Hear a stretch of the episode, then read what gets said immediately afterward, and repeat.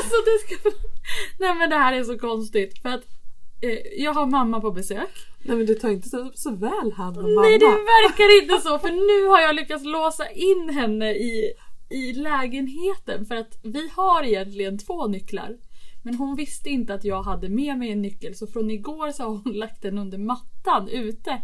Så nu ligger ena nyckeln i mattan ute och andra nyckeln är här med mig på kontoret och mamma vill komma ut. Hon kommer inte ut. Stackarn, du måste skynda dig hem och ta hand om henne. Ja, ja, jag ska göra det. Men jag tänker så här. Jag måste få berätta om en jättetrevlig eh, vinprovning som jag var på i helgen. Ja men du, så härligt. Ja, nej men det är inte så ofta. Vi är ett tjejgäng på, på fem tjejer. Det är inte så ofta vi får chansen att, eh, att träffas allihopa. Men nu eh, var det en av oss som hade fyllt år. Så då var det så här, nu firar vi med lite vinprovning. Eh, och eh, vi provade eh, flera röda viner från, ja men det var från alla möjliga distrikt. Eh, trevligt faktiskt. Jag hittade dock ingen favorit. Vilka typer av viner var det?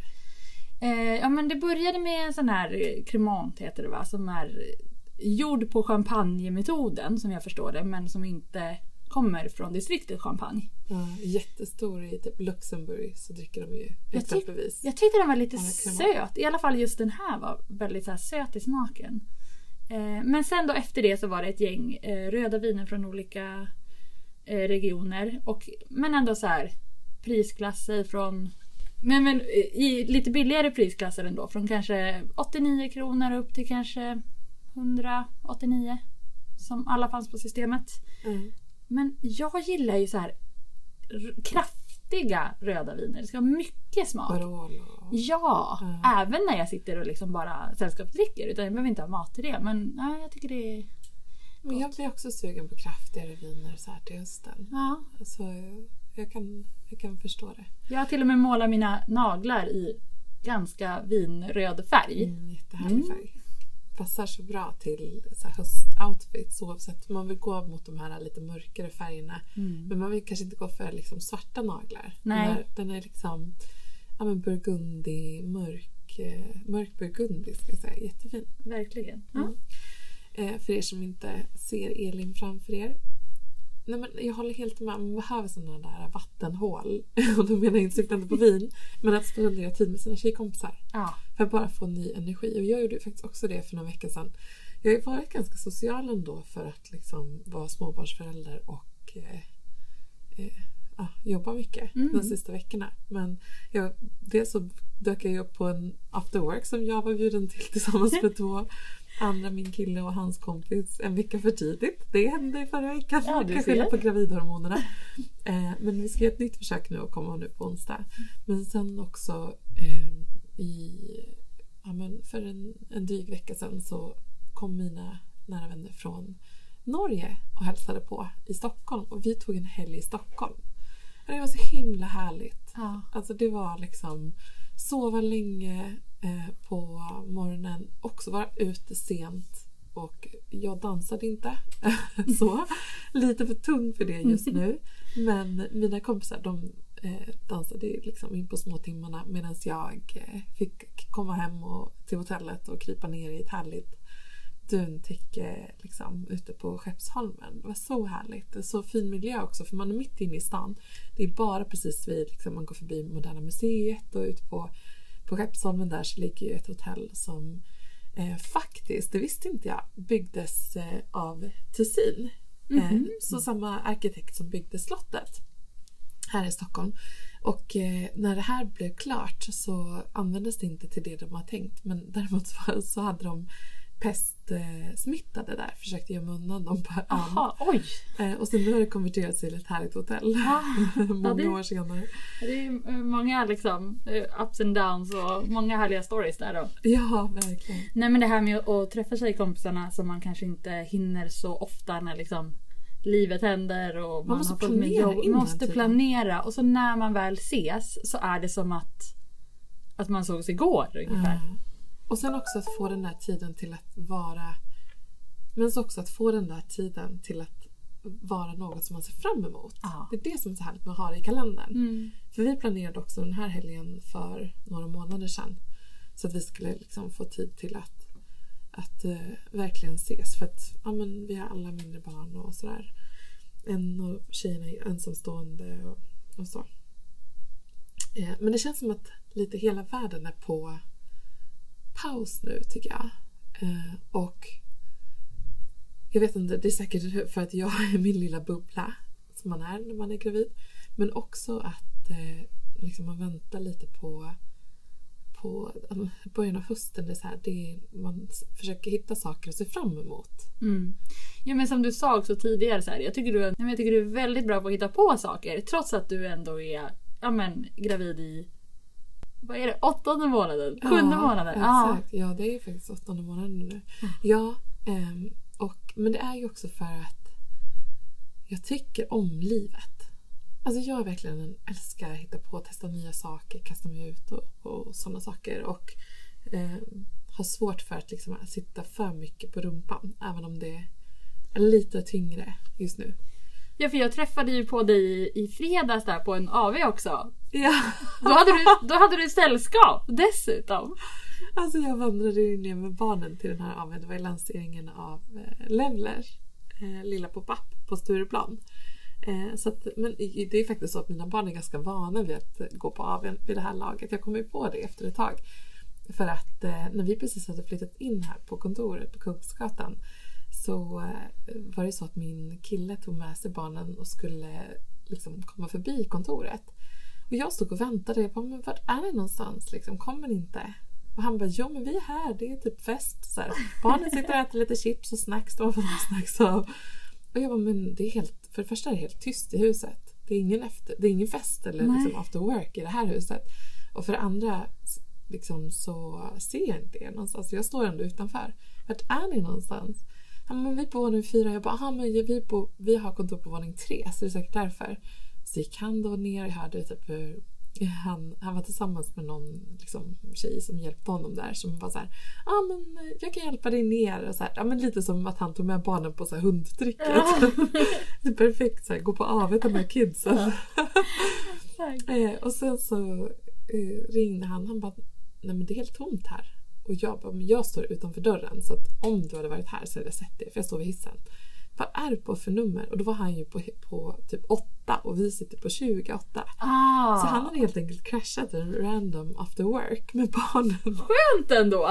Och de var så välkomna. Ja, ja men det var ju samma som där i fredags nu när, när vi var vid den här AWn och, och dina barn bara gled in där och var super liksom, glada. Det fanns ballonger, det fanns ostkrokar. Säger du ostkrokar eller ostbågar? Ostbågar. Ja, ah, jag säger ostkrokar. Ah.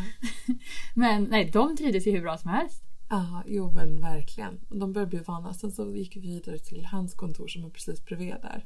Eh, och då var ju en av hans kollegor snabb med att sticka till dem lite snacks också. så eh, de det var, var väl omhändertagna. Det var en drömdag för dem. De älskar att gå på AV helt enkelt. De älskar att gå på AV. De luttras tidigt. Men en annan sak som gör, det är inte bara hösten som gör att det är lite paus just nu. Jag tycker också att det har att göra med att man, många väntar på nästa rapportsäsong. Mm. Eh, och eh, nu kommer ju flera av amerikanska bolag och kommer med sina liksom, rapporter för Q3. Eh, och jag tror ju att det för om vi tittar på liksom, siffror från arbetsmarknaden och om arbetsmarknaden är stark så visar det sig att den var det i slutet av mm. förra veckan. Och det gjorde ju att börsen, den amerikanska börsen sjönk väldigt kraftigt som en sten mm. måste jag säga. Eh, och eh, man som investerare förväntade sig att, att det skulle vara, visa på att det var lite tuffare tider även på arbetsmarknaden. Men det har inte riktigt gett med sig än. Eh, och då tror man att man kommer fortsätta med räntehöjningar och det är det som alla fasar för. Mm. Eh, men det som jag tror att, och hoppas att på ett sätt att det faktiskt blir tydligt för de har ju haft en strategi om att stärka dollarn eh, genom att ha aggressiva höjningar och det här resulterar i att amerikanska bolag inte ska exportera lika mycket utan det ska snarare vara mer värt för dem att importera. Och då kanske de amerikanska bolagen har det lite tuffare nu kommande kvartals eh, eller rapportperiod. Mm. Eh, så det är någonting för dig som lyssnar och är intresserad av börsen att hålla utkik efter. Precis, jag tror att det kan bli, nu får man kanske verkligen se så här, kanske börja lite smått se vad effekterna kan, kan vara med de här. För att det har ändå varit rätt mycket bra rapporter i, på svenska börsen och kanske även amerikanska. Men nu kanske man får se så här. Hur, hur blir det verkligen? Ja, och jag tror ju bland annat att eh, många av, av konsumtionsbolagen kommer att ha det lite tuffare. Mm. Eh, Men eh, det ska bli intressant att se hur bankerna, Bank of America kommer bland annat med sin rapport här, Mm. se hur, hur bankerna hanterar den här situationen. För att en stark arbetsmarknad ändå, så det talar för att många ändå har en, liksom en inkomst. Eh, men eh, högre lånekostnader på hus och fastigheter och så vidare. Eh, om det kanske till och med kan slå ytterligare mot. I Sverige har vi ju till exempel sett Castellum-affären som avslutade förra veckan där Akelius gick in och köpte eh, upp en stor del av bolaget. Om det kanske är så att eh, vi kommer se liknande eh, trender där starka kassaflöden köper upp de som har det lite tuffare Mm. under en period. Mm. Precis, och sen eh, ja, det spekuleras i att inflationen ska upp lite till i, i Sverige också. Ehm, och vad det, vad det kommer göra. Ja, så, så du säger, som, precis som du säger, att folk så väljer då kanske så här, nej men jag håller hellre lite i mina pengar och jag gör kanske lite mindre aktiviteter för att jag vet inte hur det kommer se ut längre fram. Ja, kommande jag har till exempel läst att om man tittar på energibolagen att de är helt nerringda av eh, konsumenterna som vill försöka liksom hitta sätt att hantera sig, att det är ohållbart där de inte har råd att betala räkningarna för, Mm. För elen. Ja, verkligen. Och vi hade ju ett webbinarium i, i fredags också om så här, kriser genom tiderna Ja men precis. Eh, och, för ja, Feminvest-medlemmar. Ja men precis och där kan man ju verkligen se en del likheter med vad som händer nu med, med liksom kriser som, som vi har genomgått tidigare. Så här, hur såg situationen ut på 70-talet till exempel? Jag tycker att det finns mycket likheter med 70-talet Ja. just. Om man tittar både på liksom deflationstendenserna eh, tendenserna, eh, där vi verkligen är och, och norpar. Men också på energikrisen. För då var det ju energi, då var det energi eh, utifrån det var oljepriset som gick upp och det Mm. använde man ju för färdmedel och så vidare. Så det slog ju eh, hårt. Medan fastigheter gick ju väldigt bra. Mm. Både bygg och fastighetssektorn Mm. gick väldigt starkt under 70-talet. Medan nu så ser vi att vi har elen och elen slår ju även mot, mot bygg och fastighetssektorn på ett Mm. sätt som inte det gjorde då. Eh, och det här, eh, så det här kan man ju man räkna med då att, och det ser vi ju att fastighetssektorn har ju drabbats ganska mycket. Mm. Eh, Men också en annan sak som jag tycker är viktig att- snappa upp och det är att när det kommer till energi och omställning så tar det lång tid att försöka lösa den här typen av infrastruktur säger jag och gör såna här citationstecken med mina fingrar. För det är ju det- det är inga snabba processer vilket talar för att det här kan vara en ihållande kris. Mm. Men det som jag tycker nu, för nu är det ju liksom Riksbanken och eh, andra centralbanker är ju så fokuserade på att få ner inflationen. Men om man, är, om man tänker sig att inflationen faktiskt går ner och närmar sig 2% och man börjar lätta på liksom eh, på, ja men till exempel kanske sänker räntan lite och man ser att det börjar sticka iväg igen. Vad gör man då? För det här är liksom det kommer att hålla i sig eh, och det kanske till och med inte kommer att gå tillbaka till den här låginflationsmiljön som var innan pandemin. Det är mycket, mm, det är mycket som talar för att det här är en, en, en långsikt, ett långsiktigt problem som vi kommer att behöva räkna med finns för att vi har inte, vi har inte energi. Så det räcker Nej, precis. Tänker du annorlunda när du liksom, hur du tänder lampor hemma, liksom det lilla bara man kan göra? För jag tänker så här, för mig sitter det ju inte så här om jag får en, en jag bor i lägenhet, jag bor i en liten lägenhet så min elräkning i vanliga fall kanske är 200 eller 250 kronor kanske den är 300 eller 350 nu.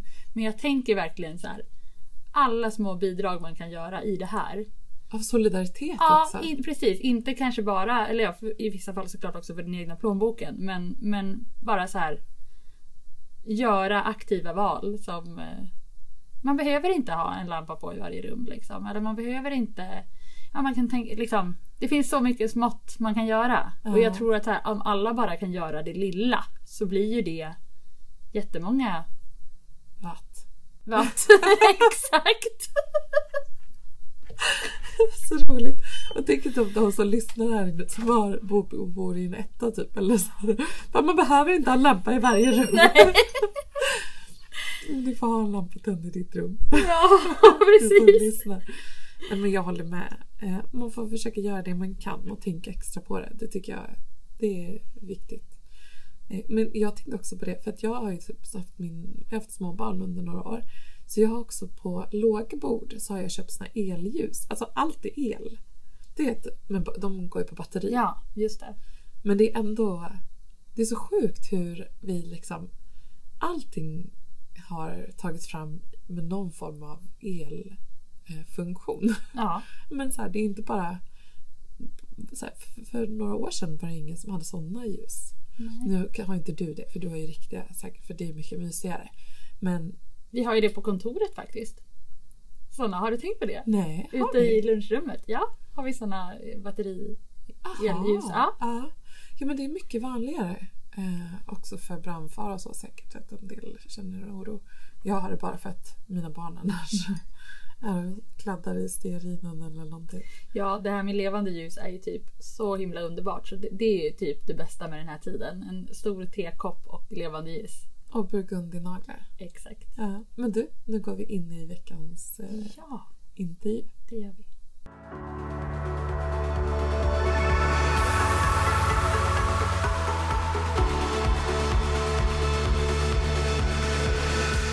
I veckans Feminvest-podden så samarbetar vi med Rare Wine Invest. Och är det så att man är ute efter diversifiering i sin portfölj och vill ha en stabil avkastning eh, som sträcker sig över tid och till en låg risk så skulle vin kunna vara den perfekta investeringen. Ja, men det här med vin är ju något som intresserar många från många olika typer av perspektiv egentligen. Eh, jag som gravid har ju inte fått njuta av drycken på ett tag, men men. Eh, men det som är så spännande, som jag inte hade någon aning om faktiskt innan jag kom i kontakt med Rare Wine Invest, det är att de finns där och hjälper dig att bygga upp en stark vinportfölj med exklusiva och sällsynta viner från framförallt eh, områden som Bourgogne i Frankrike eller Champagne, delar av Italien. Vissa viner kommer från Napa Valley i Kalifornien likaså. De jobbar med ungefär 0,1 procent av allt vin som produceras runt om i världen. Eh, och det är för att de anser att just de vinerna har bäst investeringspotential.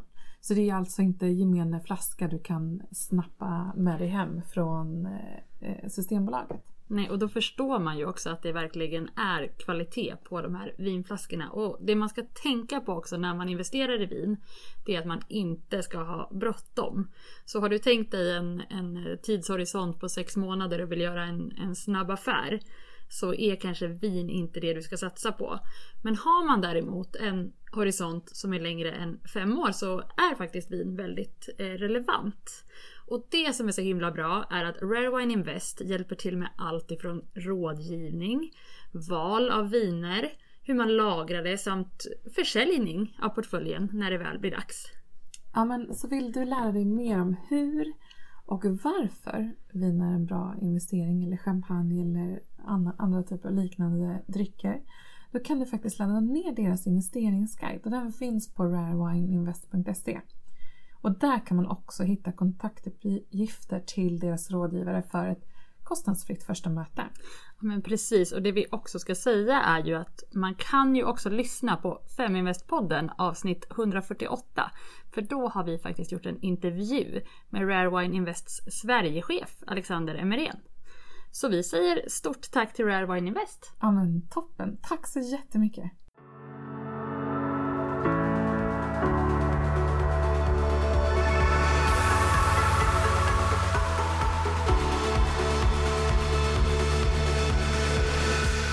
Dagens entreprenör är Julia eh, Haglind som kommer ifrån Northhouse och hon har jobbat jättemånga år i finansbranschen och eh, identifierade ett problem som hon eh, nu är här för att berätta om idag. Mm. Kul! Roligt att du är här Julia. Jättekul att få vara här. Tack för att jag fick komma. Du har startat ett bolag som heter Northhouse. Stämmer bra. Men entreprenörskapet var inte något som du hade funderat länge på? Nej, eh, det är sant. Jag önskar jag hade en superspännande historia om att jag drömt om att bli entreprenör hela livet. Men, men så är det faktiskt inte. Jag har ju precis som du säger Elin jobbat eh, i princip hela livet känns det som inom finansbranschen.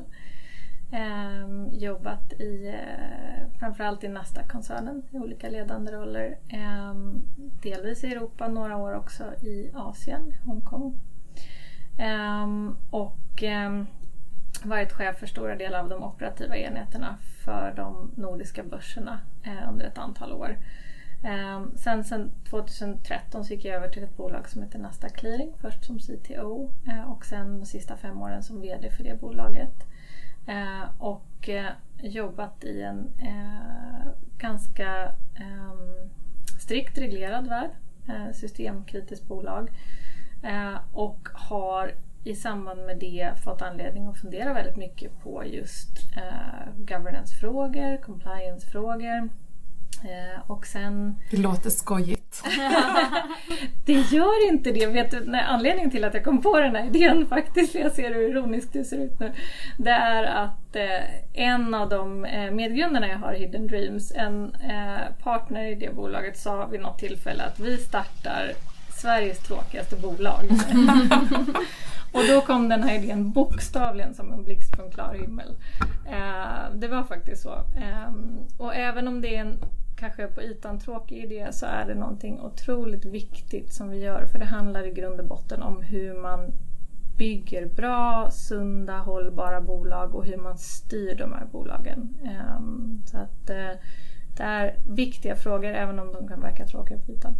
Jag vill ändå backa tillbaka lite på dina tidigare erfarenheter. Du mm. har ju som sagt erfarenhet och har jobbat utomlands i Hongkong som du sa. Vad gjorde du där och vad är liksom största skillnaderna eh, på det som du gjorde i, i Sverige och, och, hur det är att jobba där? Eh, nu var ju det några år sedan. Eh, där eh, jobbade jag för Nasdaqs Market Technology-verksamhet eh, och eh, sålde börssystem och clearingsystem till börser och clearingbolag runt om i eh, regionen, framförallt i norra Asien. Eh, så att jag jobbade en hel del, ja, framförallt i Hongkong, särskilt första året, men mycket Kina, eh, Thailand, Singapore, Australien och sista året eh, mest i eh, Tokyo, vilket var fantastiskt roligt. Uh, och en, eftersom du frågar om man, för, En fördom man har också, det är så här, men Japan, ordning och reda. Ja, ja men lite så är det ju. Också, ja, men... ja, men det, det, är en, det är en sann för dem skulle jag säga. Det är, om man gillar ordning och reda som jag gör så är det ju en otrolig befrielse att veta att tågen kommer alltid gå perfekt i tid. Eh, framförallt i Tokyo, det är ingen som står och trängs där när du ska in i tågen utan alla är liksom hövliga och civiliserade och det är verkligen ordning och reda. Så det tyckte jag var fantastiskt härligt. Eh, och det var apropå skillnader som du frågade om Elin, när jag kom hem sen och liksom tyckte jag att folk gick väldigt nära på trottoarerna och mm. ingen ordning och reda i jämförelse. Vi tror ju gärna att vi svenskar är så, att vi vill ha våran, våran distans. Och liksom, men du kunde uppleva att det kanske var ännu mer så ja, därifrån alltså. Ja, eh, det tyckte du jag i alla fall. Du är ju norrlänning då. Precis. där går ni en mil ifrån varandra om man får vara fördomsfull, eller hur är det där?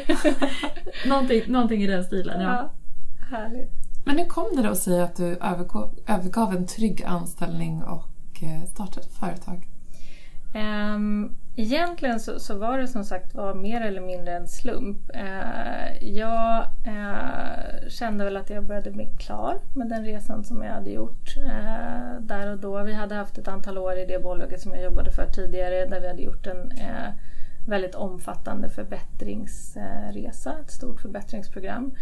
Eh, och eh, efter några år så kände jag att vi verkligen var i hamn eh, med det och att jag kunde eh, kliva av och lämna teamet för en liksom, smidigare segling framför sig än den vi hade haft bakom oss. Och det är alltid skönare att kliva av med vinden i ryggen än i ansiktet. Så att, eh, jag tyckte det var dags att eh, göra någonting annat och också kanske fundera på vad jag ska göra när jag blir stor. Um, och sen så uh, snubblade jag väldigt snabbt över Hidden Dreams och tyckte att de hade en helt galen men just därför väldigt rolig uh, affärsidé om att starta 50 bolag på uh, fem år. Vilket de verkligen ser ut att lyckas med också. Eh, och eh, började titta på lite olika alternativa affärsidéer tillsammans med dem och, och som jag nämnde, när de sa ordet tråkigt så var Northhouse grundat. så lite så var det. Så vi startade i maj. Eh, och, eh, 2022 för den som 2022, undrar. ja. Eller lyssnar på den här i efterhand. Så Ja. ni har ju inte funnits länge. Men ni har kommit en bra bit på väg. Ja, jo, jag tycker det. Det har gått väldigt snabbt. Eh, vi eh, har faktiskt fått in vår andra kund idag, vilket jag är otroligt glad över. Eh, och eh, började bygga lösningen här under sommaren. Så att eh, den, den är eh, på gång. Så det känns fantastiskt roligt.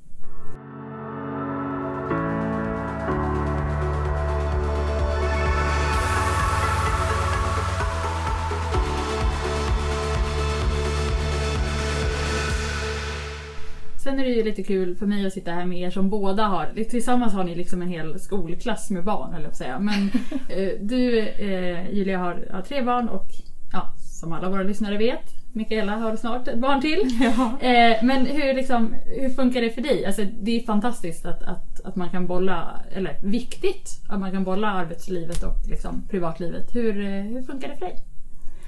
Eh, jag tycker att det funkar förvånansvärt bra eh, att vara entreprenör och ha familj. Jag kommer ju från en värld där jag eh, under några år nu har haft kanske 10-15 möten back-to-back hela dagen. Eh, nu eh, är eh, tiden lite friare. Jag kan lägga upp i lite större utsträckning eh, min egen tid vilket är fantastiskt skönt.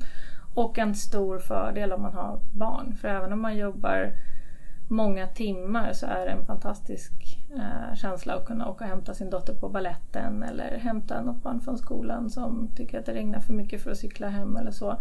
Men eh, sen förlägga liksom, arbetstiden lite senare istället. Så att, eh, eh, jag tycker ändå att det fungerar väldigt bra. Sen är det såklart alltid en utmaning. Eh, det är ju ett pussel, precis som alla säger. Eh, livet är ett pussel. Men om man trivs med att jobba mycket och vill ha en stor familj så går det att få ihop det. Mm. Mm.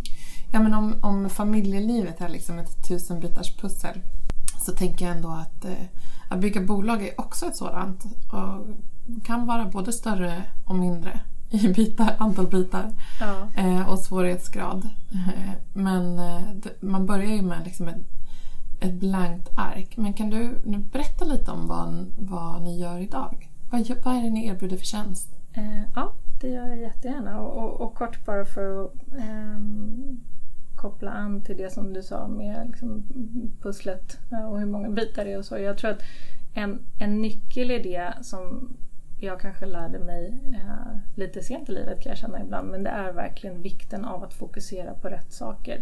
Därför att särskilt när du startar upp ett bolag så finns det tusen saker att göra hela tiden. Men om du verkligen tar dig tiden och reflekterar över vad är viktigast, vad kommer ge mest avkastning i, i längden, eh, så tror jag du har mycket större chanser att faktiskt få upp bolaget på banan eh, snabbt än om du springer på alla bollar eh, i början. Men för att gå tillbaka till din fråga om vad vi gör för någonting. Det vi gör är att vi hjälper bolag med god intern styrning och kontroll, eller governance som det kallas. Så att för att vara lite mer specifik så bygger vi en digital lösning för att upprätta, underhålla och förankra styrdokument i organisationen. Och med styrdokument så pratar jag till exempel om policies, instruktioner, eh, guidelines. Ehm, och ehm, när jag gick ut och validerade det här problemet innan jag beslöt mig för att, att faktiskt starta bolaget så tänkte jag att snart kommer någon säga att det där har vi världens bästa lösning för eller det är inte ett problem för oss. Men jag började med att prata med ett 20-tal bolag i finansbranschen och alla faktiskt sa nästan exakt samma sak. Det var skrämmande hur lika svaren var. Eh, De sa att det här är ett jättestort problem för oss. Eh, Vi vet att styrdokumenten inte är uppdaterade. Vi vet att de anställda inte vet vad det står i dem. Eh, Det är väldigt mycket manuell handpåläggning för att försöka liksom hålla ordning på dokumenten. Um, och det är viktiga saker vi pratar om. Uh, det handlar om hur du styr bolaget, hur du säkerställer att du uppnår målen, hur du säkerställer att ni uh, är i linje med liksom, gällande riktlinjer, uh, lagar och regler. Så det är otroligt viktigt. Det är ryggraden i bolaget vi pratar om här. Eh, och väldigt många kämpar med att få ordning på de här dokumenten. Och jag har också en ganska stark bild av att tillsynsmyndigheterna, till exempel Finansinspektionen, är lite före de flesta bolag här. Man har börjat fokusera väldigt mycket på intern styrning och kontroll de senaste åren. Det ser man också inte minst i de böter som de har utdömt. Eh, men bolagen kämpar med att få ordning på det. Så att jag är övertygad om att det finns en, en eh, stor fördel med att ha lite digital hjälp här helt enkelt. En digital lösning som hjälper dig att hålla ordning på de här grejerna. Mm. Ja, det, det, låter ju inte jätte liksom, sexigt sådär men vad är det liksom som tilltalar dig med liksom, governance och varför, varför är den här tjänsten så viktig? Eh, det som tilltalar mig det är just det att det kan göra så stor skillnad. I grund och botten handlar det återigen om hur du driver bolaget, hur du ger bolaget de bästa förutsättningarna att faktiskt nå uppsatta affärsmål till exempel. Men sen handlar det också om eh, lagar och regler. Om du tänker, väldigt många pratar idag om ESG. Eh, G ESG är just governance. Eh, och jag tror att i många fall så sätter man kanske en policy på plats för hur man ska hantera eh, oavsett om det är hållbarhetsfrågor eh, eller om det är eh, liksom hur styrelsen ska vara sammansatt. Och sen så tycker man att man är klar där men sen gör det faktiskt ingen skillnad i praktiken och det är där jag tror att vi verkligen kan göra skillnad. Att det liksom blir en implementation hela vägen ut. Och det är därför jag tycker det är så viktigt och också därför jag tycker det är så roligt. Mm. Ja, man säkerställer att man fortsätter att jobba åt samma håll hela tiden och att det är liksom alla i organisationen är med på samma, eh, på samma styrning. Mm. Eh, så att säga. Exakt Men eh, samtidigt så är det ju det är utmanande att driva företag. Och vad skulle du säga är det bästa då med företagandet som sådant? Eh, och kanske det mest utmanande? Mm, det bästa skulle jag nog säga är att eh, få bygga bolaget från grunden. Och bygga det på ett sätt som jag tror blir jättebra. Eh, lite styrning från ditt håll? Ja, ja men lite så faktiskt. Jag har tidigare liksom tagit över någonting som någon annan har byggt. Och ibland måste man städa lite och ibland måste man styra lite åt ett annat håll. Och nu ska det bli fantastiskt roligt att eh, bygga någonting från grunden på ett sätt som jag verkligen tror blir riktigt bra. Så bygga ett riktigt bra bolag som hjälper andra bolag att bli framgångsrika dessutom. Så det känns superkul. Eh, vad gäller utmaningar så finns det alltid gott om utmaningar. Eh, jag tror att en av de största utmaningarna som jag ser just nu är att jag är van vid att ha ett ganska stort team att jobba med, fantastiska människor runt omkring mig. Och eh, i början kan det vara lite ensamt så att jag är väldigt glad att jag har Hidden Dreams med mig som bolagsbyggare som eh, går in och supporterar. Eh, men jag ser också verkligen fram emot att bygga det framtida teamet nu. Mm. Ja, för du säger att du har erfarenhet från att, att jobba med, med stora team och sådär. Om man tittar på, på dig som ledare, vad ser du för liksom, egenskaper som är viktiga att ha när man leder ett bolag eller ett team?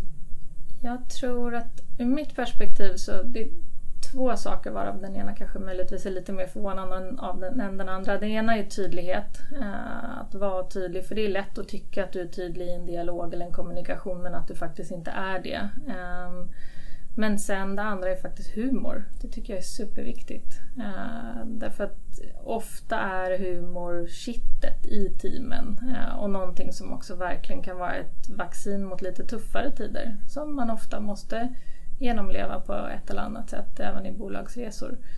Um, så tydlighet och humor och sen också gnutta ödmjukhet tror jag är, är viktigt även för ledare. Mm.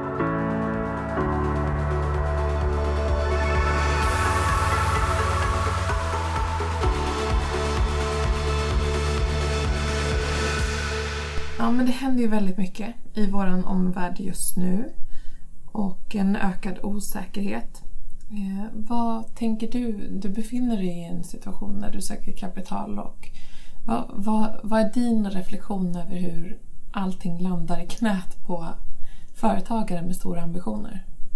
Mm, det är en jättebra fråga. Jag har funderat en del på det där av, av eh, förklarliga skäl. Ehm, jag hade nog initialt sett en, en ganska mörk bild av möjligheten till kapitalanskaffning just nu. För det är på så pass många faktorer som samverkar. Ursäkta. Eh, så många faktorer som samverkar eh, och bidrar till den övergripande osäkerheten i samhället. Och inte bara räntesmockan utan du har ju också kriget. Du har enormt många olika faktorer på en gång som gör att jag tror att många kanske är ganska mycket mer tveksamma till investeringar än vad de var för kanske ett år sedan. Men sen har jag pratat ganska mycket både med investerare och med eh, personer som har jobbat liksom för många år med bolagsbyggande och de har faktiskt en ljusare bild eh, på situationen än vad jag har, vilket jag är glad för. Eh, och det är väl snarare att det är andra typer av frågor som är viktigare nu. Ja, det var lättare att få kapital för ett år sedan. Nu måste du kanske snarare visa att du har fått in någon kund eller två eller tre och att du har liksom en, en, eh, ja, lite tryck i bolaget helt enkelt. Och sen fokuserar väldigt många också på hur teamet ser ut, eh, hur det är sammansatt, vad du har för kompetens och så. Eh, men har du det eh, så finns det ändå ganska goda möjligheter att få eh, kapital, kanske särskilt eftersom vissa lite mer traditionella investeringar, eh, ja, att folk drar sig lite för det eh, just nu. Och om du tittar lite liksom, framåt här nu under hösten och vintern, vad, vad har du på gång? Ja, nästa steg i vår bolagsresa eh, är att eh, ta in en techlead. Eh, så det håller vi på att rekrytera just nu. Ehm, och sen så kommer vi också öppna upp vår kapitalanskaffning här. Så det är väl de två närmsta delarna i pipen. Och sen har vi ytterligare några kunder som eh, också står och knackar lite grann på dörren vilket känns jätteroligt. Så det är väl det som är de viktigaste delarna här framöver. Vad ser du mest fram emot? Um, jag ser nog mest fram emot att få se det här bolaget utvecklas nu. Uh, det är lite som, som att vara förälder, att eh, man blir otroligt glad när barnen lär sig cykla eller när de kommer hem med bra resultat på något prov. Jag blir ju barnsligt glad när vi har fått in en ny kund till min, min baby. Eh, och eh, utöver det så tror jag det också är att se eh, produkten klar. Det är fantastiskt roligt att ha en idé om någonting men sen faktiskt se den utvecklad till en teknik. Så att de demos som jag har sett gör mig otroligt glad. Så det ska bli jättespännande att se hur själva slutprodukten ser ut också. Mm. Vågar du drömma lite framåt och vart ser du bolaget om kanske tre år tid? Eh, ja, man måste våga drömma framåt. Mm. Eh, då tror jag vi har eh, ganska många kunder eh, som eh, använder vår lösning och eh, upplever att den hjälper dem mycket i deras bolagsresa. Det, det skulle jag tycka var en bra framtidsvision. Mm. Det får vi verkligen hoppas. Och om våra lyssnare vill veta mer om Northhouse och om dig hur går de tillväga då? Eh, de får jättegärna antingen gå in på eh, northhouse.se eh, eller connecta via LinkedIn. Så är de mer än välkomna att göra det. Tack så jättemycket för att du var med i den här veckans podd. Och vi är tillbaka nästa tisdag klockan, höll jag på att säga. Men inget klockslag behövs utan vi släpper podden på tisdagar och då är vi tillbaka med lite börssnack och en ny intervju. Ha det så bra hörni. Ha det bra. Hej då. Hej.